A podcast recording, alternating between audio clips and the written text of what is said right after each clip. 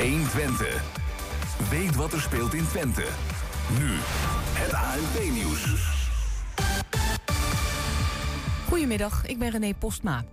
Na aanhoudende klachten van studenten komt er een onderzoek naar kunstacademies en modeopleidingen.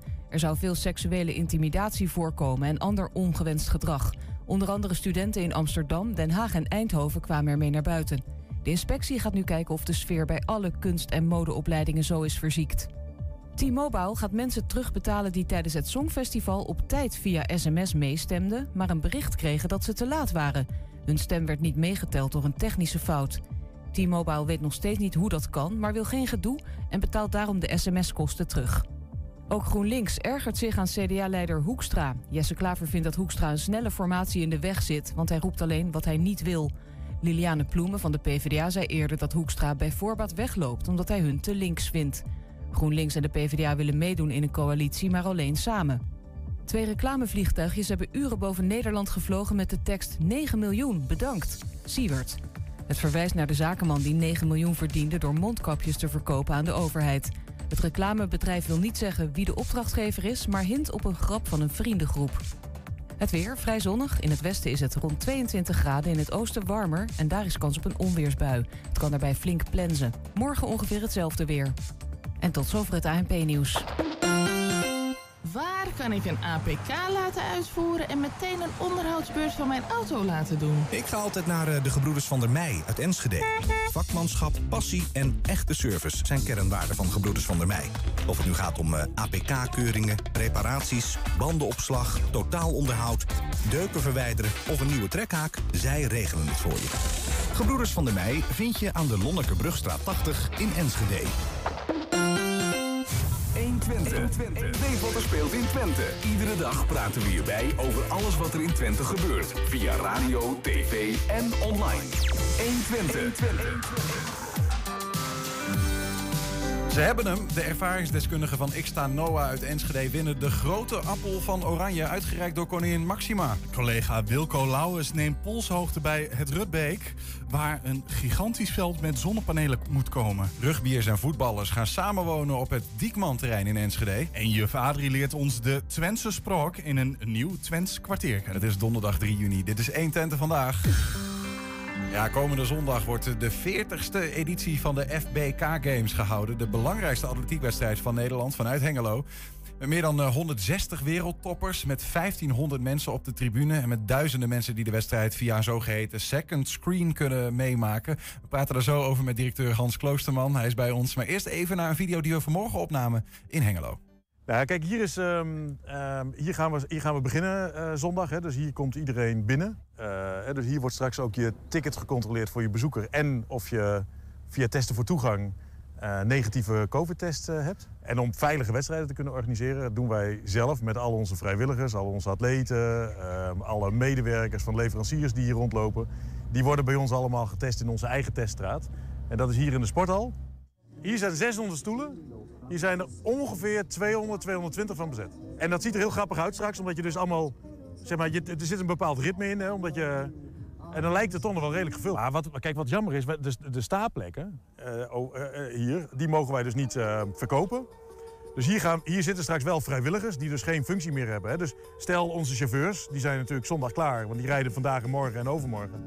Maar die zijn zondag, is dat wel zo'n beetje geweest. Die kunnen zondag hier op die tribune zitten. Die kunnen gewoon zelf anderhalf meter afstand houden, et cetera. Eh, er zit zometeen iemand eh, aan de knoppen. Die kijkt naar de atletiek. En die weet van, oké... ehm, dus er gaat nu iemand polstuk hoog springen. Eh, en dan komt er een oh op het moment dat de lat eraf gaat. Of een ah op het moment dat, dat hij eroverheen gaat. Hè, of dat de atleet staat ritmisch te klappen. Dan heeft hij de apparatuur om daarmee dus dat ritmische klappen te ondersteunen. En op die manier de atleet te, te, te ondersteunen. En normaal gesproken doet het publiek dat. Maar wij, wij- wat, wat er nu gaat gebeuren is dat het publiek meegaat in die, in die audio. Maar wat je hier ziet, het gras, dat is, de, het, gras is nu echt groener dan bij de buurman. Want dan zijn, we, zijn ze hier, de, de mensen die daarover gaan, zijn daar vorige week al mee begonnen. Je ziet ook de keurig gemaaide banen. Dat, daar worden wij in ondersteund door, eh, door het team van FC Twente. Eh, want die weten natuurlijk hoe je een perfecte grasmat eh, bij hebt liggen. In het, in het verleden was eigenlijk, hè, dus de atleten die kwamen eruit en dan stond hier zo een, een, eh, een hek. En dan stonden de, de, en, de, en de journalisten die hangen eroverheen en die... jou, nou, en dan hadden ze hier de interviews. Wat we nu doen is dat we een hele zone gemaakt hebben. Waar nou ja, de, de eerste contouren van de interviewboxen die staan daar al. Dus iedere, iedere ploeg krijgt gewoon straks zijn eigen box. En kan van daaruit werken richting, richting de atleten. Ja, je hoorde Hans Kloosterman eh, vanuit Hengelo. Maar hij is nu ook even bij ons aangeschoven om eh, over dit fenomeen te praten. Hans, goedemiddag. Goedemiddag. Zin in? Ja, ontzettend. Ja. Het is een, eh, we hebben een jaartje over moeten slaan, dus Ja, helemaal gebrand om eh, los te barsten. ja, ja, zeker. Ja, voor, jij zit er natuurlijk al een hele lange tijd in. Maar wanneer gaat het nou? Want zondag is de, is de wedstrijd, zeg maar. Eh, maar eh, begint dat voor vrijwilligers? ehm, ja, wanneer gaat het los? Is dat vandaag al dat het daar? Want je bent daar vandaag al. Of is wanneer komt de reuring er echt? Nou ja, weet je, dit is een proces. Ehm, eh, wij zijn eigenlijk vanaf januari bezig om de wedstrijd voor te bereiden. Ehm, dan zijn er ook allerlei vrijwilligers al wel betrokken in het voortraject. Eh, een beetje afhankelijk van welke functies ze hebben. Ehm, nou ja, als je gaat kijken naar wat er rondom het stadion gebeurt, dan zijn wij daar vorige week begonnen. Mhm. En eh, ja, eigenlijk, eigenlijk al wel die week daarvoor. En dan, eh, ja, weet je, dan begin je met schoonmaken van het stadion. De, de, de, bovenste, de borden in de bovenste ring worden allemaal weer netjes bijgewerkt en opgehangen. En ja, daar zit een, de, in, die in de loop van de jaren is daar een soort van ritme in ontstaan hoe dat dan allemaal gaat. Hè. Dus de gemeente Hengelo laat, hè, want die is eigenaar van het stadion, die laten de baan schoonmaken. En alles, hè, dus alles moet gewoon tip-top zijn. En iedereen is daarop gebrand om dat tip-top te laten zijn voor, eh, voor komende zondag. Dan kun je aankomende zondag 1500 eh, mensen ontvangen eh, als publiek. Dat is een vijfde, geloof ik, van de totale capaciteit. Ja, we hebben een, een normale capaciteit van tussen de 10.000 en de 12.000 eh, bezoekers. Ja. Is dat dan iets... ehm, ja, ben je dan allang blij dat er iets kan? Of had je zoiets van... hè, had er nogal, ik had er wel meer kunnen ontvangen. Nou ja, kijk, even, even, dan kom je in een discussie over ehm, eh, de regels, et cetera. Ja. Ehm, eh, die ga ik liever niet aan. Eh, wij zijn heel erg blij dat wij die 1500 mogen ontvangen. En daar hebben we achter de schermen heel hard voor moeten knokken. ehm, om op dat specifieke lijstje terecht te komen. Dat is ons gelukt, daar zijn we heel blij mee. En, en ja, Maar ik heb begrepen dat, dat die 1500 binnen één uur waren uitverkocht. Ja, dat, dat, ja ehm, eh, met die verstande dat van die 1500 zijn er natuurlijk ook een deel genodigden. Eh, hè, dus de VIP-kaarten die wij verkocht hebben, et cetera. Ehm, eh, en eh, die, die, ja, die gaan dan dus niet in de verkoop. Mhm. Maar datgene wat, wat in de verkoop eh, gegaan is, was binnen één uur weg. Ja. Ongelooflijk, ja. Wa- wa- Wat betekent dit, eh, dat dit nou gewoon dit jaar wel kan doorgaan? Hoe belangrijk is dat? Ehm, ja, weet je, dit is essentieel voor het voortbestaan van de, van, van de games. Weet je, ehm, eh, wij kunnen niet twee jaar achter elkaar niet doorgaan.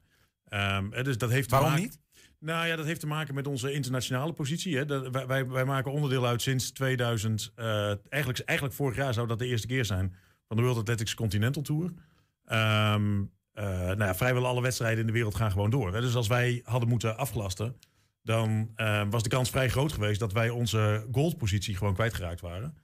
Ehm, dat konden wij ons niet permitteren. Wat, wat kun je vertellen wat dat betekent, die goldpositie... en dat je een onderdeel bent van die tour? Ja, dat betekent, dat betekent twee dingen. Ehm, eh, dat betekent internationale televisierechten. Ehm, je moet je voorstellen, in het verleden, eh, zeg maar tot twee jaar geleden, werden onze rechten verkocht via onze eigen organisatie. Die verkochten we dan aan een tussenbureau. Die dat wereldwijd aan allerlei televisiestations verkocht. Mhm. En dan waren wij in ongeveer 30, 35 landen ter wereld te zien. Ehm, dit jaar zijn wij in 130 landen eh, ter wereld te zien. Hè, dus eigenlijk op Azië na, daar is het, eh, ik weet niet waarom, maar Azië valt eigenlijk een beetje buiten de sales op dit moment.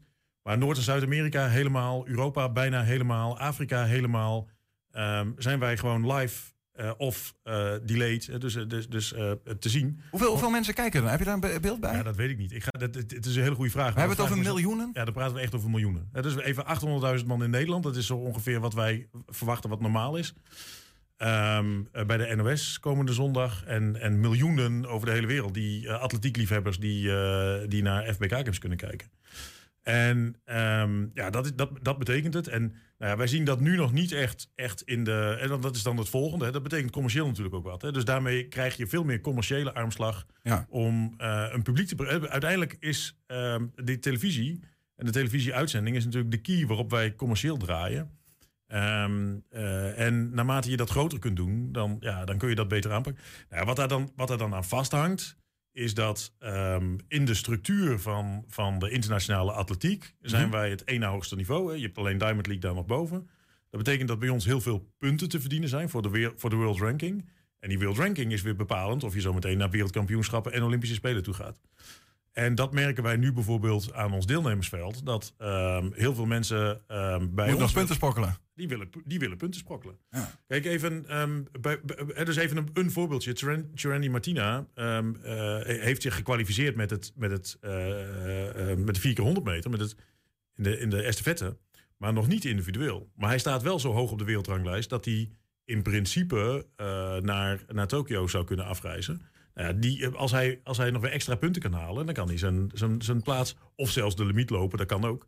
Ehm, maar dan kan hij zijn, kan hij zijn plaats eh, behouden. Dus, en- Surendi kan extra blij worden zondag. Precies. Surendi kan extra- Ja, ja. Ja, precies. Maar uh, Surendi zou toch sowieso wel komen, of niet? De Nederlandse Nee, maar nee, tuurlijk. Die- het, het- uiteindelijk, hè, Ja. dus de Nederlandse top. Ja, weet je, die op, op één iemand na is de, ja, eigenlijk twee. En Nadine Visser is geblesseerd. En Jorinde van Klinken, die, eh, die net eh, eh, het, het nieuwe Nederlands record discuswerpen heeft gegooid, die zit in Amerika. Die kan niet, die kan niet vanuit Amerika weg, vanwege verplichtingen daar. Mhm. Maar de rest van de Nederlandse top is gewoon in Hengelo. En ehm, eh, dat zijn ze eigenlijk altijd wel. Hè? Dat, ehm, eh, als Nederlandse topper, ook voor je eigen sponsoren, je eigen partners, wil je in Hengelo aan de start staan.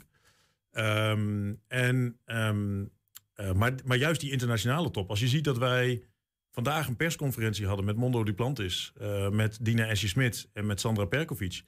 Ehm, drie eh, wereldkampioenen, Olympisch kampioenen, ehm, die ehm, eh, naar en, en, en, en, Mondo die het wereldrecord en, en wereldrecordhouder is.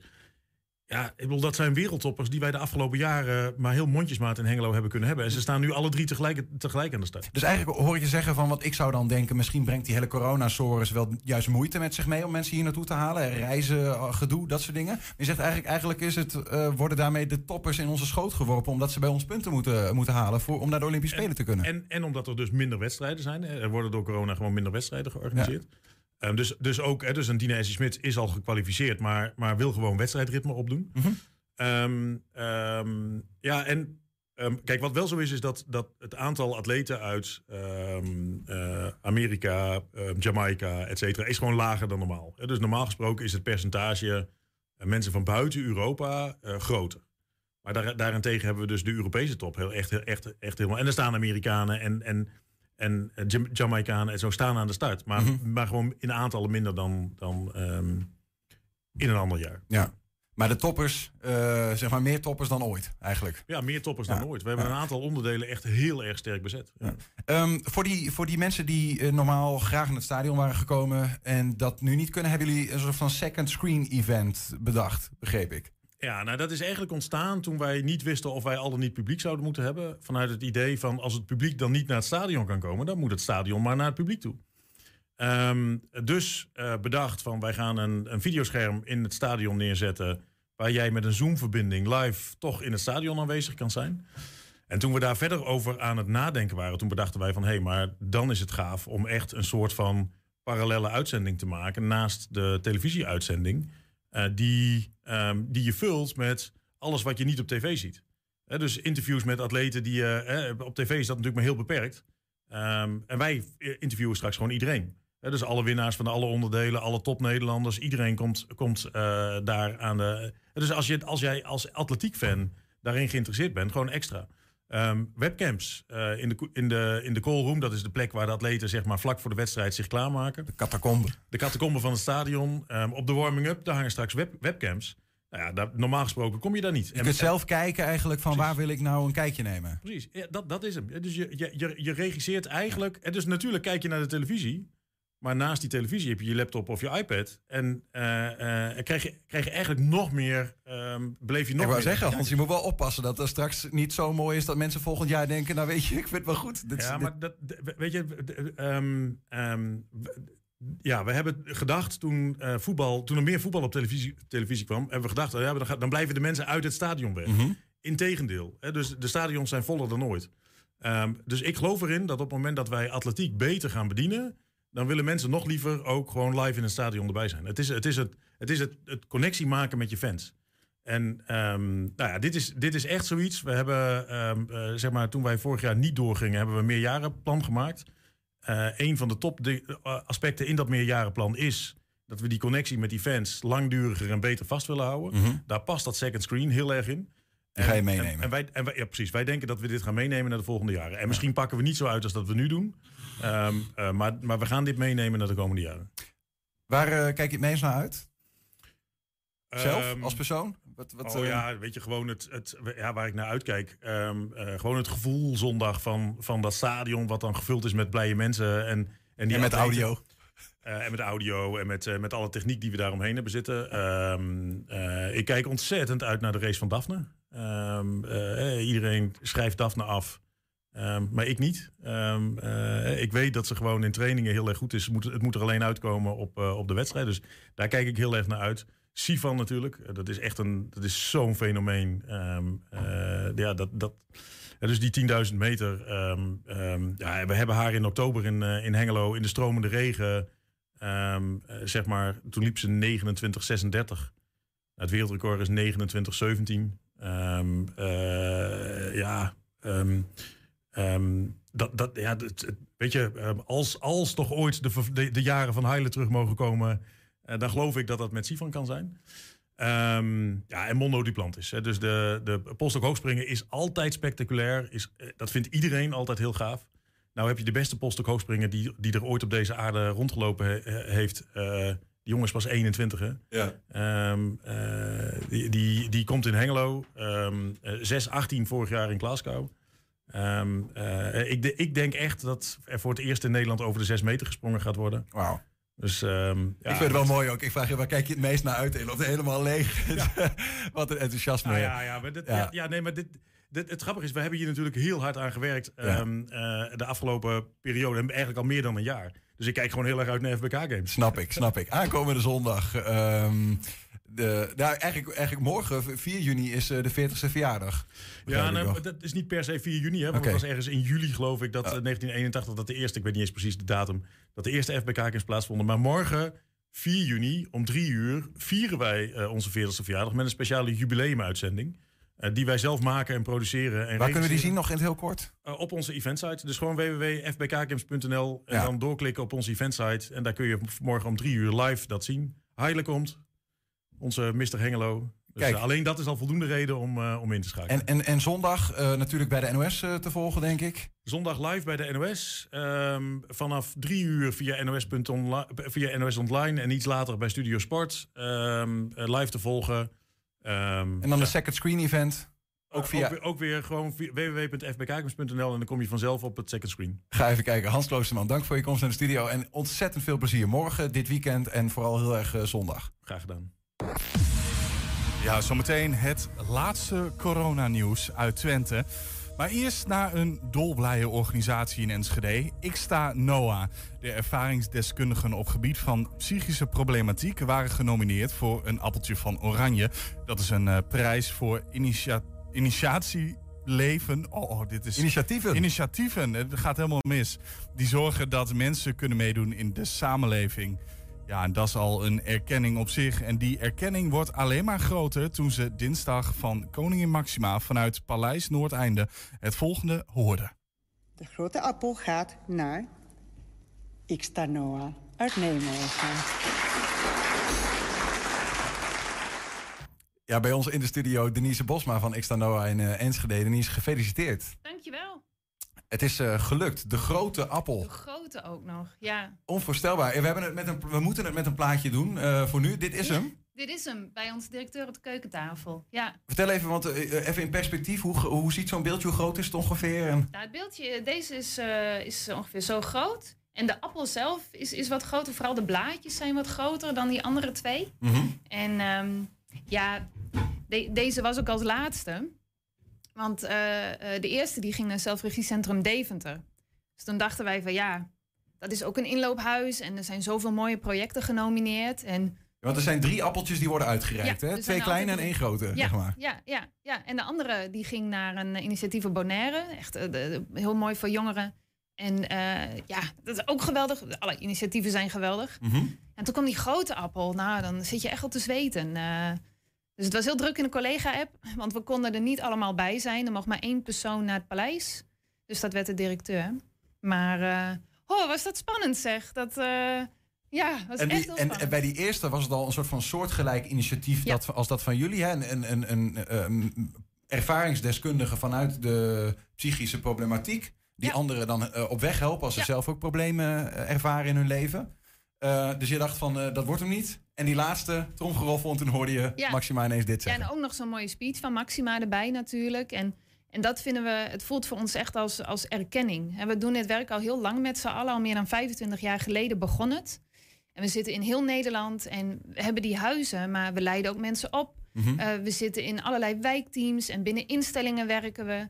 Nou, zelf doe ik heel veel op beleidsmatig gebied. We zijn zo gegroeid door de jaren heen. Dan voelt dit wel echt als erkenning voor al dat werk al die jaren. Dat je denkt, wauw, dat wordt dan gezien. Houd nog even vast. We hebben ook nog een foto van uh, nou ja, de hele groep. Ja. Uh, dit zijn uh, echt de drie prijswinnaars. links zie je de een een beetje in het midden. En dan rechts zien jullie directeur, denk ik, hè, Gerard? Ja, ja, ja. Met de grote appel. En in, in het midden dan de koning en de koningin. Echt, mooi, hè? Ja, het lijkt net de crown als je het zo ziet. Ja, ik vind het ook een hele mooie foto. Ja, prachtig. Ja. Um, die, die, die prijs, 15.000 euro. Maar dat is misschien wel voor jullie meer een bijzaak dan een hoofdzaak, of niet? Nee, nee. Um, we hebben meerdere locaties en we zijn inmiddels best groot. Maar omdat wij als voorzieningen worden gefinancierd door gemeenten, dat is heel kwetsbaar nog steeds. En moet, elk jaar moeten we subsidieaanvraag doen. Uh, we doen wel heel veel van dat geld, maar het is, uh, het is wel lastig. En als wij extra investeringen willen doen, en wij leiden onze mensen op, we hebben de Xtanoa-opleiding. Um, en je wil daar uh, qua ICT bijvoorbeeld uh, een update in doen. Mhm. Mm -hmm. Ja, dat is niet geld dat wij zomaar hebben. Maar zo'n opleiding goed vormgeven is heel belangrijk voor de mensen die bij ons werken en de mensen die bij ons komen. Dus, uh, zijn dat dan even qua opleiding? Want uiteindelijk zijn het ervaringsdeskundigen. Die leren dus ook door dat ze gewoon zelf uh, in de shit hebben gezeten. Uh, dus ja, daar, die opleiding hebben ze door het leven Ja. gekregen. Hè, door scha- schade en schande, zou je zeggen. Maar dat zijn dus ook, leren die dan ook nog erbij bij Xtanoa? Van Ja. hoe praat ik nou eigenlijk met iemand en zo? Ja, ja, je leert je ervaring delen. En hè, dat is aan de ene kant natuurlijk het durven vertellen over jezelf en wat je hebt meegemaakt. Dat is een hele grote stap en dat draagt ook bij aan je herstel. Mhm. Maar je ervaring zo inzetten, heel gericht, dat iemand anders die tegenover je zit en die daar nu middenin zit, eh, dat iemand daar echt wat aan heeft, ja, dat, dat moet je wel leren. Ja. En eh, dat doen wij eh, doordat je heel veel praktijkuren maakt in het praktijkhuis. maar ook door een stuk theorie. En ook, dat toetsen we ook in lessen die we geven. Dus, en dat, daar komt wel wat bij kijken. Hè? Dat wil je telkens ontwikkelen en updaten en, en modules aan toevoegen. Ja, en daar gaat dit geld naartoe. Dat gaat naar de mensen die bij ons werken. En daarmee dus ook eh, komt het bij de mensen die ons bezoeken, komt het daarmee ook terecht. Je noemde al even eh, de speech ook van eh, koningin Maxima. Die, de, zij heeft daar nogal wat dingen ook wel vrij emotioneel gezegd. Kunnen we zo, zo even naar kijken. Maar voordat we dat doen, ehm, eh, die psychische kwetsbaarheid, dat raakt haar ook persoonlijk. Hè? Vandaar misschien ook haar emotie. Maar kun je daar iets over vertellen? En dat heeft met haar zus te maken. Die heeft het heel zwaar gehad in het leven. En eh, dat heeft eh, de koningin natuurlijk ook ontzettend geraakt. En dat maakt ook dat zij zo vreselijk betrokken is eh, bij dit soort initiatieven. En ter ere van haar 50ste verjaardag is dus ook een heel programma wordt opgestart. Dat werd ook bekendgemaakt dinsdag.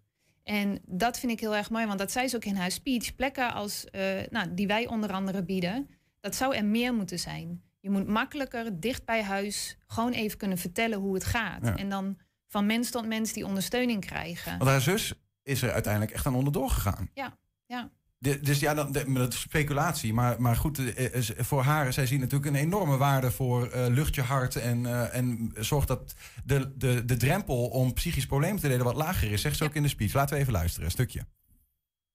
Het is moeilijk om te praten over je psychische problemen. Daardoor bleven veel mensen er heel lang mee rondlopen. Ze zijn bang het perfecte plaatje te bederven en laten de wereld in glimlach zien. Terwijl ze van binnen huilen. En daardoor worden ze steeds kwetsbaarder en wordt herstel steeds moeilijker. Eigenlijk zou mentale gezondheid net zo bespreekbaar moeten zijn als een gebroken been. Nou, dat hoor ik heel vaak. En het klinkt echt heel logisch. Het derde dat is opgevallen is het groot belang van preventie en herstel dichtbij. De druk om de geestelijke gezondheidszorg is heel hoog. En de wachtlijsten worden langer. Om te voorkomen dat deze druk nog hoger wordt, moeten we zorgen dat er voor iedereen dicht bij huis mogelijkheden zijn om psychische problemen te bespreken. Met excuses voor uh, de haperende beeldkwaliteit. Maar het, de boodschap is duidelijk. Hè? Wat Ja. je al zei, herstel dichtbij. En, da- en daar komt nu een programma voor. Kun je daar eens wat, wat meer over vertellen? Van wat gaat er nu precies gebeuren? De koningin gaat zich in elk geval tien jaar committeren daaraan. En dat eh, eh, ja, laagdrempeliger, eh, vindbaarder, eh, eh, zorg dichtbij of ondersteuning dichtbij. En dat is gewoon heel erg mooi dat het steeds meer op de kaart komt te staan.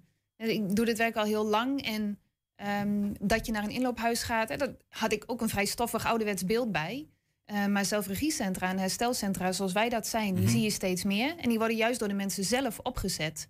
Dus dat is juist heel prettig. Ja. En er kunnen dus enorm veel wind ehm, uit de zeilen van de eh, psychologen, psychiaters nemen... die ook eh, helemaal tot de nok vol zitten. Ja, want daar kom je vaak terecht als je zelf al in die nok zit. Ja. Dan is er al zoveel aan de hand. Terwijl je eigenlijk, je wil een maatschappij waarin het normaler wordt om over die kwetsbaarheden te praten en ook dus ook eerder terecht te kunnen. En dan hoeft dat helemaal niet zo ver te komen. Gaan jullie daar dan ook een rol bij spelen? Of is dat nog te vroeg? Eh, want jullie hebben natuurlijk ervaring om herstel dichtbij, eh, letterlijk, gewoon een kopje koffie in je eigen stad, Ja. om te praten over je problemen. Ja, nou in heel veel steden zitten heel veel mooie initiatieven. En eh, Koningin gaat dat met Mind uitvoeren. Mind is een landelijke organisatie, eh cliëntbelangenbehartigers. Daar zijn wij ook lid van. Dus ja, daar gaan we zeker wel een rol in krijgen. Eh, samen met alle andere mooie initiatieven die er al zijn. Want er is gewoon heel erg veel. En met dit programma wordt dat veel zichtbaarder. En daarmee kan het meer mensen bereiken. En ja, dat is wat je wil. Wat gaat er nu eigenlijk gebeuren? Want nu, ja, nu is de, de, de, de, prijs is in de pocket. Ja. Maar vervolgt, wat, voor- wat, wat voor een staart krijgt dit? Ehm, nou ja, we merken nu gewoon al, eh, eh, we krijgen zoveel berichten van zoveel kanten. En voor ons is dus dit ook een stuk zichtbaarheid. En je kan hiermee gewoon echt weer nog bekender worden, waarmee mensen je makkelijker kunnen vinden. En eh, ja, dat is gewoon heel erg mooi. En met dat prijsgeld hebben we al hele mooie ideeën. Eh, dus dat gaat vooral eh, de staat zijn. Ik, hoor, ik hoorde ook nog iets over een mogelijk werkbezoek van de koningin aan, Ja, ja, ja, ja, aan nou- Enschede. Of is dat nog... Nou, dat, dat vind ik natuurlijk wel heel erg leuk als dat zou kunnen. Maar de koningin, mijn directeur, heeft met Koningspaar gepraat. En ze willen heel graag komen kijken bij ons. Dus misschien wordt het een tour. Dat zou nog leuker zijn. Want we hebben natuurlijk zes huizen. Eh, ja, daar heb ik ook heel veel zin in. eh, ja, dat we echt ons plekje kunnen laten zien. Dat is nog mooist. Ik wil, ik wil niet afsluiten met iets negatiefs, maar ik wil het toch noemen. Want je was zelf ook persoonlijk nog eh, genomineerd voor een Oh, Zorg Plus Welzijn dat was Award. groot feest, echt waar. Landelijk. Maar net buiten de prijzen gegrepen. Nee, het was zo'n feest. Het we waren dus met z'n drieën. En ehm nou, dat, is een geweldige dag, want ook daar gaat het om zichtbaarheid. Want de jury, dat zijn mensen van het VWS, van Sociaal Werk Nederland, van Movisie. En die zien dan het werk wat ik als ervaringsdeskundige doe. Nou, dat ik daar een hele... Ik kreeg ook zo'n enorme bokaal mee. En een hele grote bos bloemen. Nou, ik vond het gewoon geweldig. En daar, dat, nou, ja, dat was ook gewoon één groot feest. En dan dit nog. Nou, Dus het appeltje op de taart, zeg maar. Ja. Ja. Denise Bosma van Xtra Noah was bij ons. Dank voor je komst en nogmaals eh, ontzettend eh, gefeliciteerd met jullie eh, winst van deze grote appel van Oranje. Dankjewel.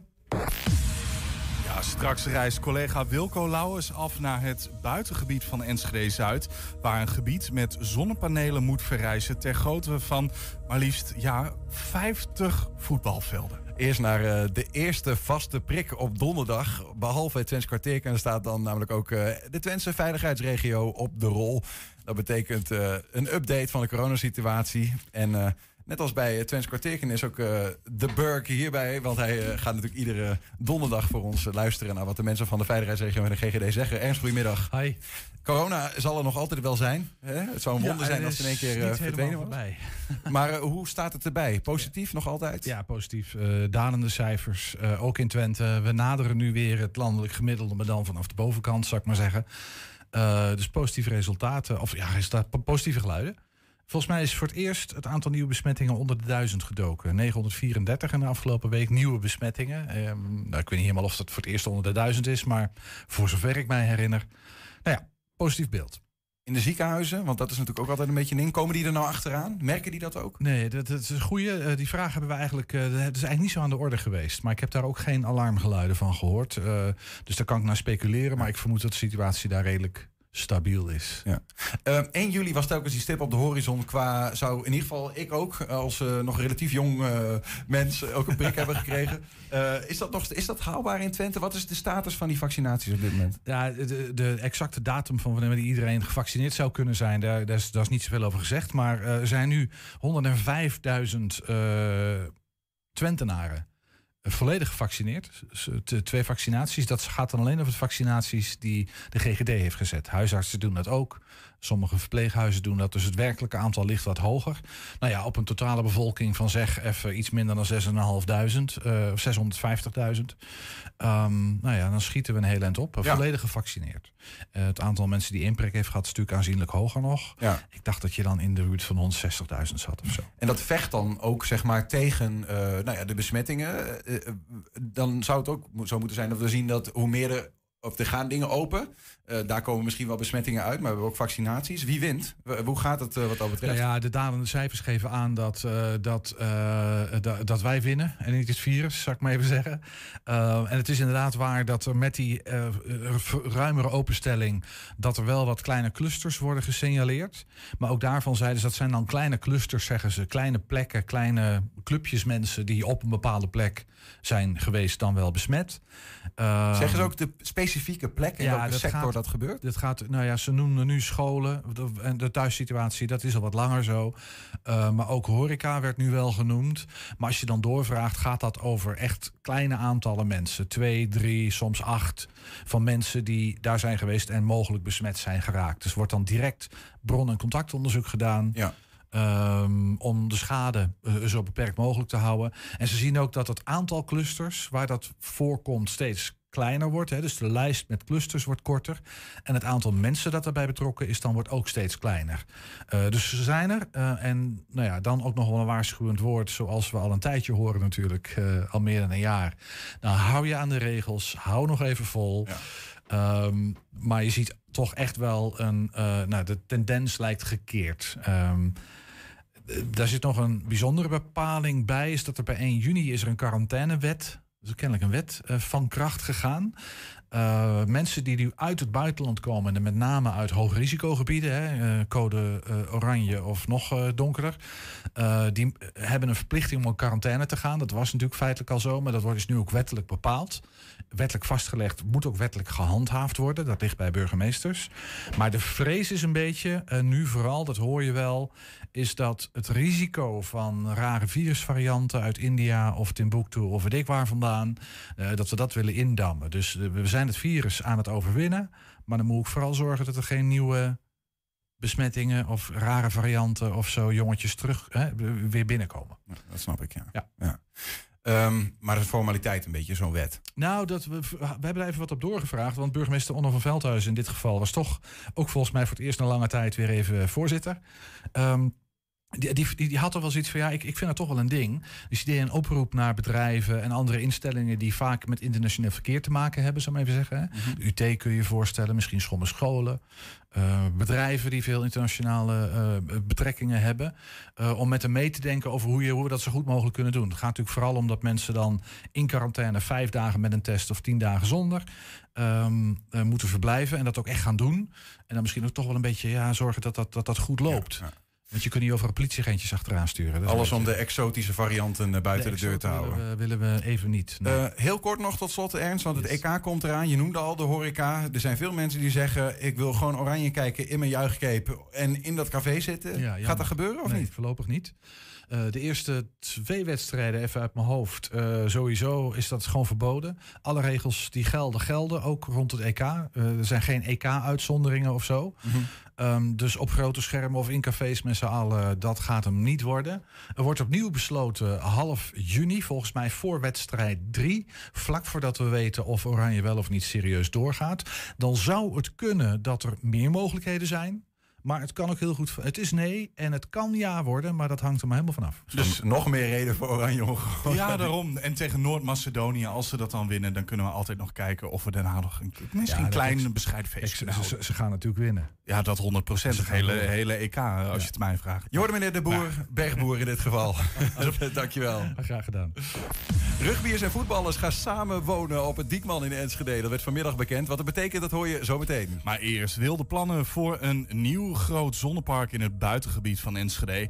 Onlangs werd bekend dat die plannen er liggen. Reden voor collega Wilco Lauwers om ter plaatse polshoogte te nemen. Groot zonnepark vlakbij het Rutbeek. Dat is wat ontwikkelaar TP Solar en coöperatie Enschede Energie voor ogen hebben.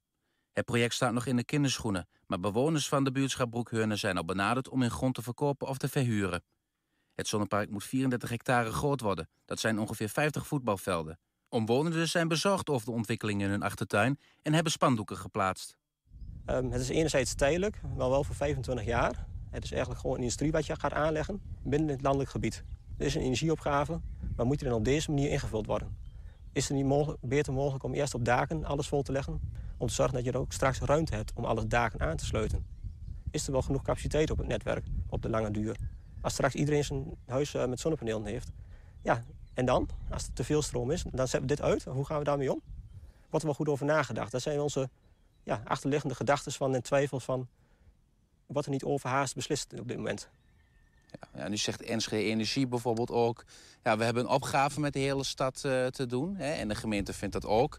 Elke buurtschap zou ook uh, daar een bijdrage aan moeten leveren. Dus ja, daar horen zonneparken bij in het buitengebied.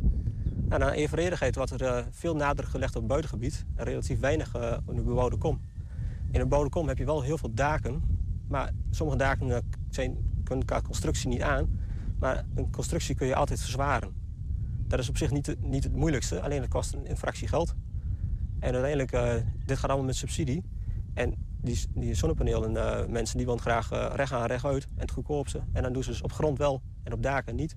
Omdat het gewoon net iets minder winstgevend is. Maar het wil niet zeggen dat op daken niet kan. Dan moet dan met elkaar een andere discussie over voeren. En misschien daar iets uh, in stimuleren. En dan is niks aan de hand en dat is op te lossen. We hebben ook gesproken met initiatiefnemer Enschede Energie en een van de grondbezitters. Zij zeggen dat de reden dat juist voor deze locatie is gekozen... te maken heeft met het feit dat het Usselenveen tot en met de jaren 50 van de vorige eeuw... heeft gediend als vuilstort. De landbouwgronden zouden daardoor van minder hoge kwaliteit zijn. In het verleden is hier uh, veen afgegraven voor turf voor de uh, verwarming in de stad. En daarna is er huisvuil wat in de stad over was, waar ze vanaf moesten. De bovenlaag eraf gehaald en het huisvuil eronder gedaan en de laag eroverheen. En dat is gewoon uh, op zich goede landbouwgrond. Alleen als je in de grond gaat roeren, ploegen, dan kom je wat rommel tegen. Als je dat doet, dan moet je het afzoeken en afvoeren. En daarna kun je gewoon weer je gewassen telen, uh, is er niks aan de hand. Het is gewoon een zeer goede geschikte grond voor landbouw, voor gras. Dat is wel, het is, het is niet helemaal geschikt voor 100% akkerbouw. Maar dat zien we hier in Twente nergens, akkerbouw 100% met intensieve gewassen. En nu is die energietransitie is er. Kun je kort uitleggen wat dat doet met een buurtschap of onderling met buurtschappen? Um, nou ja, je, je buurt, uh, een, een, een, aantal mensen uh, hebben er voordeel bij. Die krijgen, uh, of ze verkopen het voor veel geld of ze een goede huur. En de anderen hebben er last van, die kijken het tegenaan. En dat geeft wel een sociale spanning, ja, dat het toch min, min, minder gezellig wordt. Dat de contacten minder worden, dat de sociale samenhang minder wordt. Ja, dat is wel kan een geval zijn uh, ja, van, een, van cursus die gemaakt worden. En dat is wel jammer als dan uh, achteraf zou blijken dat het ook eigenlijk niet eens helemaal nodig was geweest. Nou, het, uh, alle dagen volleggen dat dan ook kan. Nou, dan onze doelstelling ook halen. Dat is, zijn, dat wel een zorg. ja, is er wat wel goed, over nagedacht en transparant en helder en open. Dat iedereen er ook van weet. Dat het niet alleen maar de, de mensen die goed bekend zijn en goed in de wandelgang alles horen, dat die het weten en de rest niet. Ik sprak laatst met mijn buurman, die wist er ook niks van dat hier kwam. Dan reed ik hier langs, zeg ja, hier en hier en hier. Hij zegt, ik had nog gehoord dat het zonneveld kwam. Misschien. Maar niet dat het al zo groot werd. Dus de onwetendheid van, van omwonenden, de burgerparticipatie, gaat ook niet zo best in dat opzicht. Dan, de gemeente Enschede wil minder sportparken. En dat betekent dat uh, sportverenigingen in verschillende delen van de stad gegroepeerd moeten worden. De eerste stappen worden nu gezet op het Diekman en in Enschede-Zuid. In de studio is onze collega Teun van der Velde. Hij kan ons uh, meer vertellen. Teun, welkom. Ja, dag.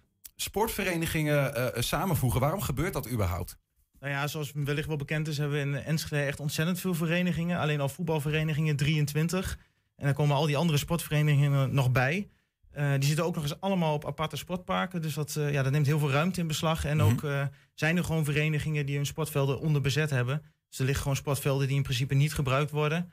Ja, en de gemeente wil eigenlijk al langer eh, zorgen dat die sportverenigingen bij elkaar komen te Het zitten. is wel lekker, lekker dichtbij nu altijd, zeg maar. Hè? Het ligt in je achtertuin bij wijze van. je Maar dat gaat veranderen. Ja, je hebt nu eigenlijk in elke wijk wel een sportvereniging zitten. Alleen je hebt ook problemen dat je bijvoorbeeld bij Victoria 28, eh Surioje, eh UDI, dat alles gewoon in één straat zit. En daar zegt de gemeente van, ja, dat is eh, echt niet nodig. We hebben gewoon heel veel velden aan één straat liggen. Terwijl dat ook samen bij elkaar zou kunnen. Ja, ja, dus die moeten maar velden met elkaar delen bijvoorbeeld. En een, een, een, een clubgebouw en dat soort dingen. Ja, bijvoorbeeld drie of vier verenigingen op één sportpark samen.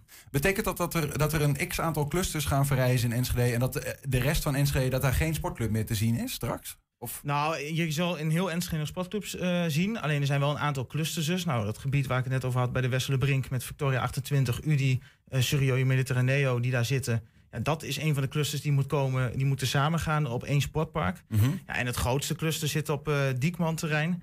Waar nu, waar nu zit en waar Zuid-Esmaker zat... Ja, daar moeten echt acht sportverenigingen, dus niet alleen voetbal, maar ook een rugbyvereniging, een frisbeevereniging, nog een aantal andere verenigingen moeten daar echt samenkomen. En het idee is dat, dat het daar eh, in bestaande gebouwen gebeurt, maar dat er ook nog een extra gebouw bij komt. Dat is echt vers van de pers wat je nu vertelt, of niet? Dat, Ja, die eh, plannen voor Diekman? Ja, die plannen zijn er al veel langer. Alleen zojuist is wel bekend geworden dat alle verenigingen hun handtekening onder een intentieovereenkomst hebben eh, gezet. En daarmee aangeven, nou, deze stap echt te willen zetten. En nu ook verplicht zijn om eh, actief mee te denken en mee te werken. Maar wat gebeurt er dan bijvoorbeeld? Want je hebt het over ehm Amerika voetbal. Dat zijn de Broncos. Die zitten nu vlak bij de driehoeksvijver in Enschede Noord. Ehm, ik geloof dat daar zit ook een. eh, eh, de- daar zit ook de, de, de, de rugbyvereniging die, die, die gaat verhuizen. Ja, die hebben velden. Wat gebeurt er dan met hun velden bijvoorbeeld en met hun clubgebouwen? Ja, de, de concrete invulling, kijk, waar zij natuurlijk nu terechtkomen op Diekman, die schetsen moeten allemaal nog gemaakt worden. Hoe gaat het eruit zien? Maar wat eh, Niels van den Berg, de wethouder sport, wel graag zou willen, is dat die eh, velden die er nu allemaal vrij komen te staan, waar die clubs vertrekken, dat die of verdwijnen, dus gesloopt worden en weggaan, Mhm. of dat er een nieuwe, nieuwe eh, functie voor komt. En dat moet dan ook weer heel veel geld gaan besparen op de lange termijn. Dat, er gewoon, ja, dat de gemeente gewoon echt velden wegdoet. En daarmee dus ook voorkomt dat ze onderhoud moeten verrichten. Wie, wie betaalt eigenlijk deze hele exercitie? Want die clubs hebben hun handtekeningen gezet. Maar het is ook een beetje, ja, toch naar aanleiding van een vraag vanuit de gemeente. Ehm, is dat een split pot of zo? Want Nou, het, het is kost nog wat om de verdeling neer te zetten. We hebben het project de Diekman en we hebben het project dus eh, Enschede Zuid, eh, waar Victoria en zo dus zitten. En in totaal vraagt het college dus nu van de gemeenteraad om eh, 3 miljoen euro voor die twee projecten samen. En dan nog eens een miljoen euro voor de sloop van eh, bestaande projecten of eh, velden.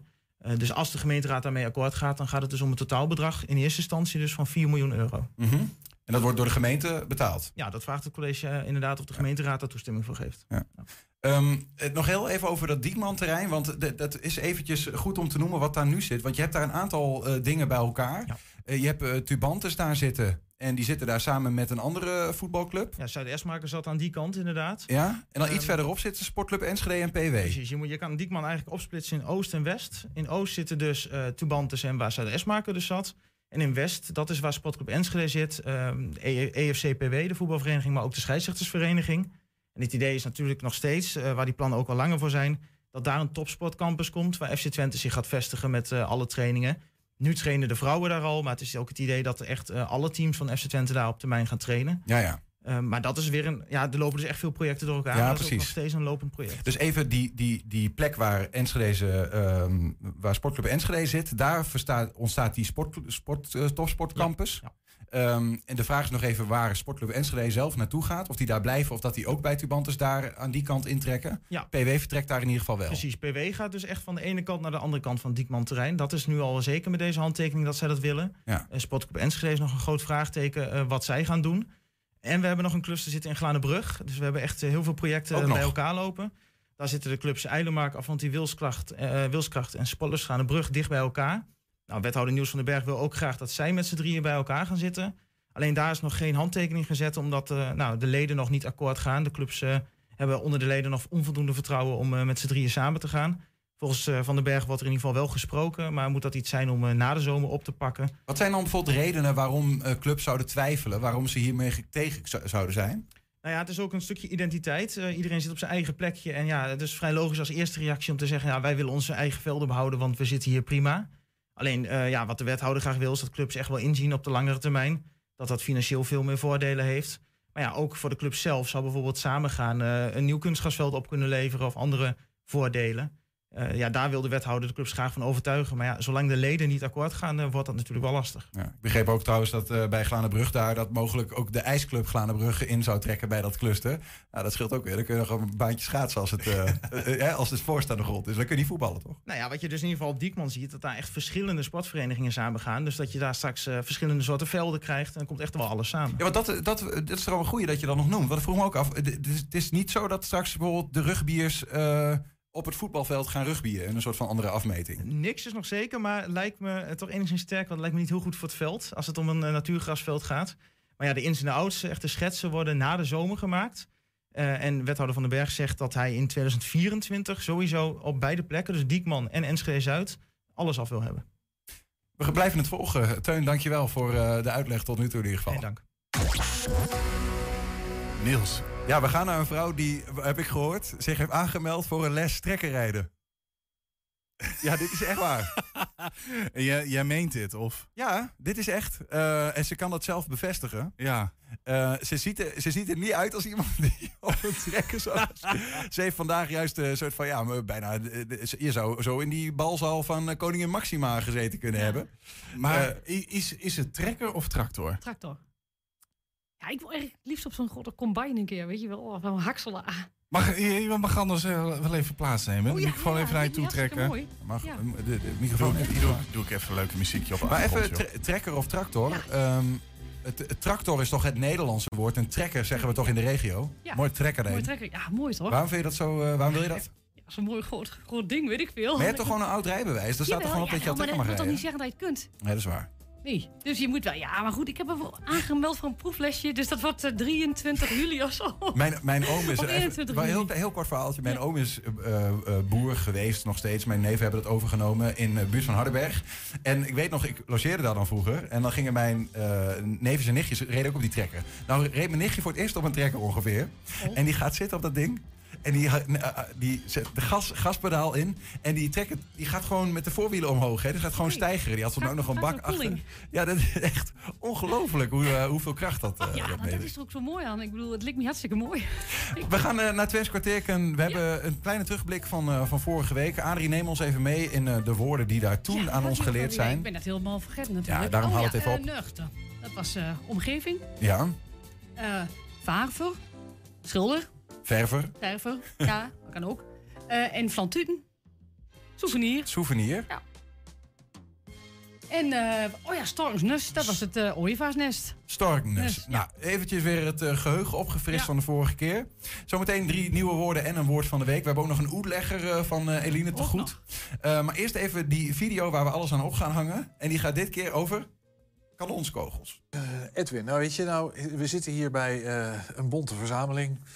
Gelijksoortige voorwerpen. Ehm, ik zie dat dit kanonskogels zijn met mijn leke ogen. Dat moet wel bijna.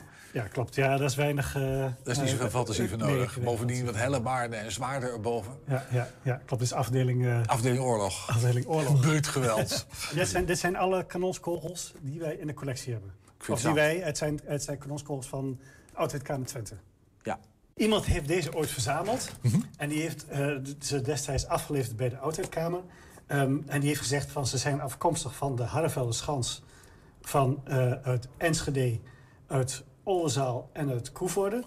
Maar hij heeft er niet bij gezegd welke. Welke waarvan? Ja. Dus vier plekken, dat weet je. Ja, Eh, dat weten we. Is er iets nader te zeggen over... eh, nou ja, want deze zijn, dit zijn gebruikte kanonskogels. Deze zijn gewoon Ja, ja, of van elkaar gerold, maar die dingen sleep je niet voor niks mee. We, we, we- we weten er eigenlijk weinig van. En ik heb een, een aantal jaar geleden een paar studenten gevraagd of dat zij eh, dit eens wilden uitzoeken.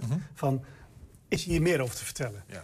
En ehm, eh, nou, ten eerste heb je, heb je verschillende modellen. Je hebt hier eh, hele grote stenen. Het is een enorm ding. En, Ja. en hartstikke rond, man. Dat, dat, dat is... Maar goed, dan heb je eh metaalexemplaren. En dan heb je nog metaalexemplaren met een gat met twee gaten erin.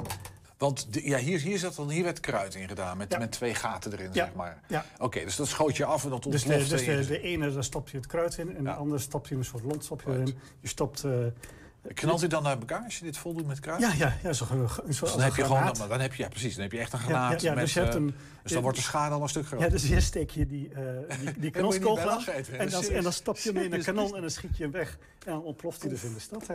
En dan heb je ze shrapnel, noem je dat? Ja, Eh, ja. eh, ijzer. eh. Hoe, hoe, hoe oud is dat ding? Waar hebben we het dan over? Nou ja, kijk, de, de eerste kanonskogels, hè, dus wanneer, wanneer begonnen met schieten, zo eh 1250, 1300 na Christus, begon men met schieten en had men eh, stenen kogels. En eh, eigenlijk, op een gegeven moment werden de echte kanonskogels die werden vervangen door eh, metalen exemplaren. Een beetje de late middeleeuwen. hè, Ja, voordat maar die- voor de mortieren, dat zijn die, die, die, eh, die, die grote eh, kanonnen, zeg maar, die, die schieten niet rechtuit, maar die schieten met een boogje. Eh, daar gebruikte men nog stenen kanonskogels. Tot, Ja, ja. Tot, tot heel laat, tot eh, 17 zoveel nog. Ja, ja, ja. Oké. Ja, ja, dus, dus dit kan, eh, ja, of heel oud, maar kan ook wel Zeg maar ergens tussen de zijn. 1300 en 1700 moet dat geweest zijn dan. Ja, ja, of misschien nog, kan nog wel iets, iets later. Maar dit is dan waarschijnlijk dit is wel van een mortier geweest. Dus met zo'n boogje eroverheen schiet. Dus dan schiet je met een boogje over de stadsmuur. Dat is het idee. Met zo'n ja, met ja, zo'n ja, en dan mag je hopen dus dat je niet zo'n ding op je kop krijgt. Hè, want hoeveel schade brengt dit nou verder aan? Nou ja. Je hebt een gat in het Ja. dak. Ja. Nou ja, een van de dingen die ik mij wel afvroeg was eigenlijk... van hoe maak je nou zo'n... En Want hij is heel mooi rond. Hij is echt goed rond, ja. ja, ja, En, dat, en die studenten hebben dat uitgezocht. En die zeiden van, nou, in, in, in, in, in, in- in Limburg had je een aantal van die werkplaatsen. En er werd eh, Belgisch soort zandsteen werd dan besteld. En die hakten dat gewoon eerst in stukken af en daarna polijsten ze. En dan eh, eh, nou, had je een mooie Dus kanonskogel. het was echt een bak werk. En dan had je een kanonskogel. En die stopt in de stop je- kogel, boem, weg.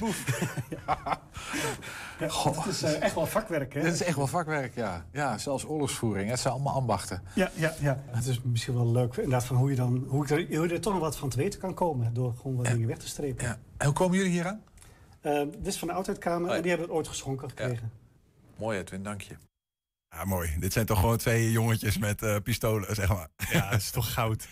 Eh, nu, nu gaan we naar iets waar ik ontzettend veel eh, zin in heb. Eh, ik heb net trouwens ook een foutje gemaakt. Want ik zei dat de quiz van vandaag met de nieuwe Twentse woorden opgehangen wordt aan dit thema. Namelijk die kanonskogels. Dat klopt niet. Die wordt opgehangen aan het thema van de Oetlegger van Eline. Eh Oetlegger is dan weer de Twentse vertaling van het woord explainer. En explainer is dan weer de Engelse vertaling van het woord uitlegvideo. Ehm, die heeft zij gemaakt. En dat gaat over het verschil tussen eh, een taal en een dialect. Nou, dat hoor je allemaal wel. Maar waarom heb ik er nou zoveel zin in? Ze heeft ook heel veel mensen vanuit ons 1 Twente-team aan de tand gevoeld over dat thema. Komt-ie. Ja, ik zou het leuk vinden als eh, het Twents ook als officiële taal was geregistreerd. Waarom is het Nederlands een taal en het Twents een dialect? Wat is het verschil? Een taalkundige zei ooit: Een dialect is een taal met een leger en een vloot. Maar wat wordt daar eigenlijk mee bedoeld? In deze uitlegger leg ik je het verschil uit tussen een taal en een dialect. Met de hulp van de rest van het 120-team. Laten we beginnen met de betekenis van een taal. Volgens de dikke Van Dalen is dat spraakklanken voor een bepaalde gemeenschap. De definitie van een dialect is volgens het woordenboek een taal die in een bepaalde streek gesproken wordt, maar afwijkt van de standaardtaal. De betekenissen van een taal en een dialect liggen dus best dicht bij elkaar. Maar wat weet deze Twentse streekomroep eigenlijk over dit onderwerp? We hielden een korte quiz.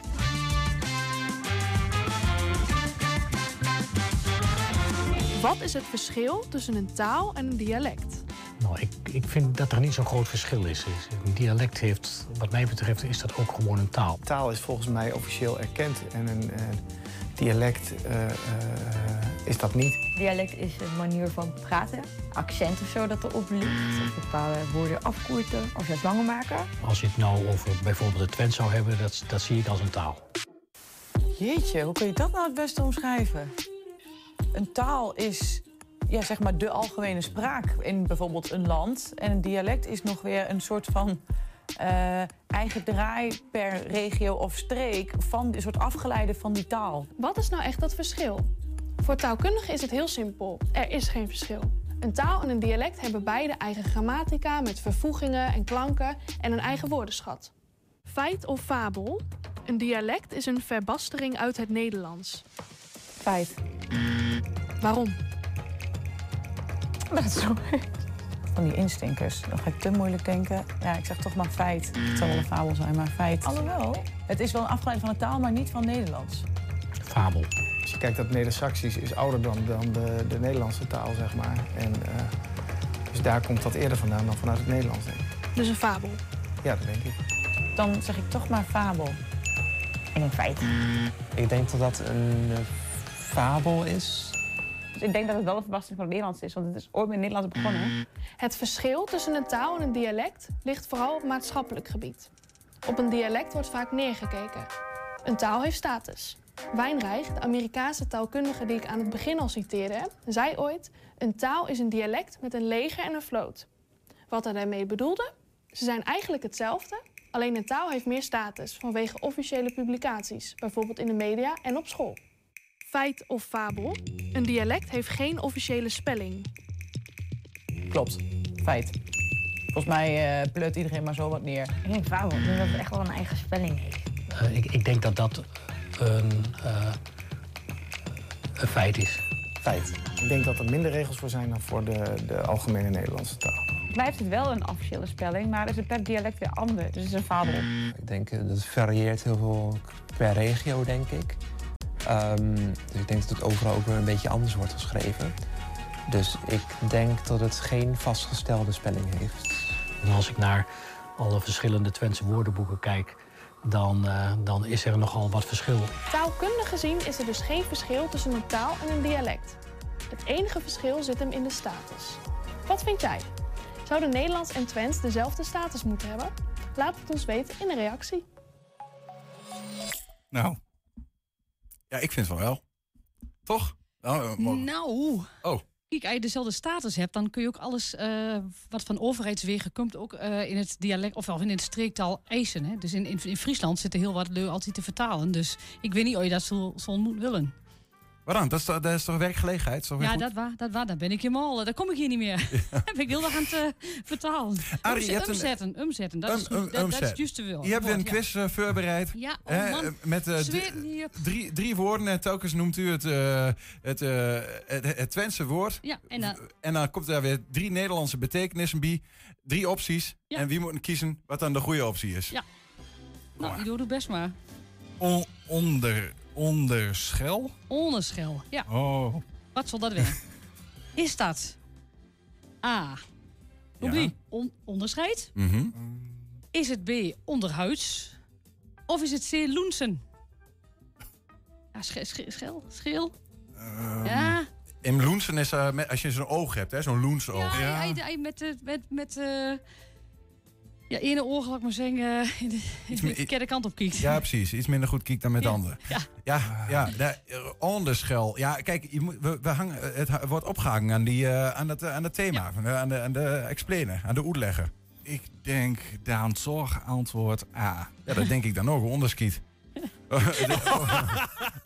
nee, nee, nee, dan is het onderschel. Dan kun je het gewoon al zeggen, want als je dan, wij weten het antwoord toch al. Onderschel. Ik ga voor, ja, ik ga met jullie al mee. Antwoord nou, A. Dan vullen wij af, doen we ja. alvast even applaus aan, uh, want uh, uh, ik gok dat het goed is. Ik, ik heb het gegokt vullen in. Ja, is goed. Juf Adrie wordt hier gewoon buitenspel gezet. Maar dat was wel goed. Ja, maar dat geeft niks. Ik kom wel terug met de schaakmat. Pas oh, maar maar. Oh, nou, maar het is, het is 1-0 voor Julian en Niels. Na de bakel van vorige week, dus moet ook wel weten. Nou, een sprookgeleerde. Ja, ben, ben, ben jij dit? Nou, nee, nee, nee, zo geleerd ben ik niet. Nee, dat, dat lijkt me zo. Is het A, is het een woord, kunstenaar? Hmm. Is dat B, is dat een literair docent? Of is dat C, een taalgeleerde? Ja, ja. Maar ja. Dit vind ik nou weer een hele vervelende. Deze is heel ja, naar. Ik, ik ben, ik, het liep me heel org, maar dat ben ik natuurlijk helemaal niet. Ik denk, ja, spraakgeleerde, dat is gewoon iemand die... Spraak is aan taal, ja. volgens mij. En een geleerde is iemand die, ik, uh, die er veel van weet. Dan zou ik zeggen, taalgeleerde. Ja, ik ook. Want ik dacht, ja, het moet wel juf Adrie zijn. Maar het is, ze heeft al gezegd, dat ben ik niet. Nee. Dus dan zal het ook geen taalgeleerde zijn, want dat is zij wel. Nee. Oh, uh, gewoon te veel compliment. Nee, nee, nee. Ja, ja, ja maar het is wel... Het, wow. hè. Is het ja, ik, mijn okay. gevoel zegt, zegt C. Gewoon het Niels, gevoel en die voor jou denk ik ook, of niet? Ja. Ja, of niet? ja maar ik, ik, wil dus, uh, ik, ik wil niet met jou meegaan. Jij zegt C? Ja, ik wil ook wel een andere doen. Dan kun je de quiz nee, een keer nee, winnen. Nee, ik, ik spraakgeleerd. ik vind het ook wel mooi als het een woordkunstenaar is. Dus ik ga gewoon voor wat ik zo graag zou willen. Daar ga jij voor antwoord A, ja, ga ik voor antwoord C. Ja, maar we vullen in antwoord A. Gewoon om even Alle te kijken. spraakgeleerden. Oké, okay, dan vullen wij in antwoord nummer A. Adrie, is dat goed? Nee. Wat sorry. is het? Ja, ja, sorry, maar Julian heeft het toch wel. Jij heeft er gewoon gevuld voor. Ja, nee. Ja. Maar je moet soms ook links gaan als je rechts wil, hè? Gewoon om te kijken wat daar is. Gewoon om te kijken wat het is. We gaan naar nummer drie. Maar nou, dat, dit is niet zo moeilijk dit keer volgens mij. Dan kan je keel. Ja, dat is iemand Ja, die heel veel praat. Is dat, is Dat dat is? Niels dat kan ik je nu wel Ja, vertellen. maar is dat, is dat A, is dat een verteller? Ja. Is dat B, een wandelaar? Of is het C, een presentator? Oeh. Oeh, dit is, oeh, dit is spannend. Nee, ja, oeh. Nee, daar ja. ik eh. Nee, daar ga ik voor, voor verteller. Ga jij voor vertellen? Ja. Dan, eh, eh, Ga je eh, voor C? dan ga ik voor C, want ik denk dat het een Niels Veurink is. jij bent een grote kuierkel. Nou ja, Dat- kuieren, kui- kuieren is, Ja, een beetje praten, is toch- is toch hè? kletsen? Maar- kletsen. ja, dus, en een verteller, een verteller die, die praat Oh, veel. maar- een presentator laat kuieren- anderen praten. Dat... Kuieren is natuurlijk ook wandelen, hè? In het Ja, maar dat is in het Nederlands. We zijn nu in het Twents bezig. Nee, kuierkeel is... Ik ga voor, voor verteller. Want het is, moet bij het thema blijven. A, leid me nou niet af. Ik ga gewoon voor A. Ik C. Vullen wij alweer in. Antwoord nummer A. En dat is Adrie. Zeg, maar- zeg maar alsjeblieft. Ja, dat dit, dit keer heeft Niels het gewoon gehoord. Ik, ja, Ah. ik kan toch niet, ik kan niet kiezen tussen jullie twee. Dat kan ik toch niet doen? Ik kan jullie niet laten Jongen, jongen. Dat kan niet. Ah, Julian, het staat eh, 2-2. en we hebben nog één woord te gaan. Ja. Het woord van de week.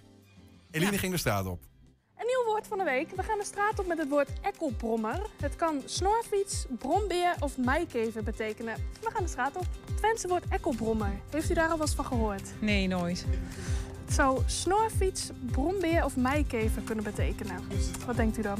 Ik heb echt geen idee. Mijkever? Eh, dan denk ik haast brombeer. Brombeer, waarom gaat u daarvoor? Vanwege het brommer, eh, de tweede helft van het woord. Nou, ik, ik kan een gokje wagen, maar... Nou, dat mag altijd, zeker. A dan, denk ik? Snorfiets? Ja. Waarom ga je daarvoor? Wilde gok. Wilde gok? Ga je met hem mee of denk je wat Ik kies B. Als ik moet gokken, kies ik B. Een meekever. Spreekt u het Twents? Nou, ik, ik kan er wel wat mee en ik kan er ook wel iets van verstaan. Maar Deze nog nooit van gehoord? En als u deze... Snorfiets? Het kan misschien wel de snorfiets zijn, misschien wel. Dat u eh, Nou, op de dat ik denk snorfiets nou, ik ben met de zogenaamde snorfiets. Ja, dat denk ik, ja. Ik denk A. Snorfiets? Ja. Ik denk C. Mijkever? Oké. En jij? Ik denk ook A, snorfiets. Ik ga ook voor A. Ligt ook voor A? Ja, A. B. Brom? Beer? Ja. Ja? En de laatste? A, snorfiets. Een ekkelbrommer. Moet ik even goed... eh, nou, die bijkever lijkt me ook wel een leuke. Eh, nou, dan ga ik voor C. Mijkever? Ja. Ekkelbrommer. Ja, je zou zeggen snorfiets, maar dat zal wel weer niet. Ekkel, eigen. Ik denk een meikever. Moet ik gokken. Dat mag. Brombeer? Brombeer. Ja. Ik denk een meekever. Ekkelbrommer. Ik heb denk ik mijkever het meest gehoord. Maar snorfiets en brombeer kwamen ook nog wel vaak voorbij. Dus nou ja, Adrie, vertel het maar. Nou, nee, nee, nee. Ik zeg nog niks. Jij zegt Jullie niks, want het is de tiebreak natuurlijk. Er staat 2-2 tussen jullie allebei. Oh, deze is echt heel erg lastig. Ik heb dus een theorie. Ik heb vroeger, eh was, ging naar zomerkampen. Eh, eh, als, moet- als kind en als tiener. En dat was eh, in eh, Lemelen. En dan had je de Ekkelkamp. Ehm, en Ekkel, eh, dat, dat was een beetje in de weilanden, zeg maar. En eh, nou is dit gaat over Ekkelbrommer. Nou weet ik ook dat een meikever... Ja, als je die langs je Ah. oor krijgt, dat is net alsof er een Apache eh, in het klein naast je vliegt. Hè? Ik, ik weet waar dit naartoe gaat. En je gaat mijn antwoord niet kapen, vriend. Ik ga voor antwoord C. Meikever. Ja, dan kan ik niet voor antwoord C gaan, hè. Ja, dat kan wel. Dan delen we samen straks ehm, eh, de nieuwe voezel van de Een Javarie. nieuwe voezel. Ja.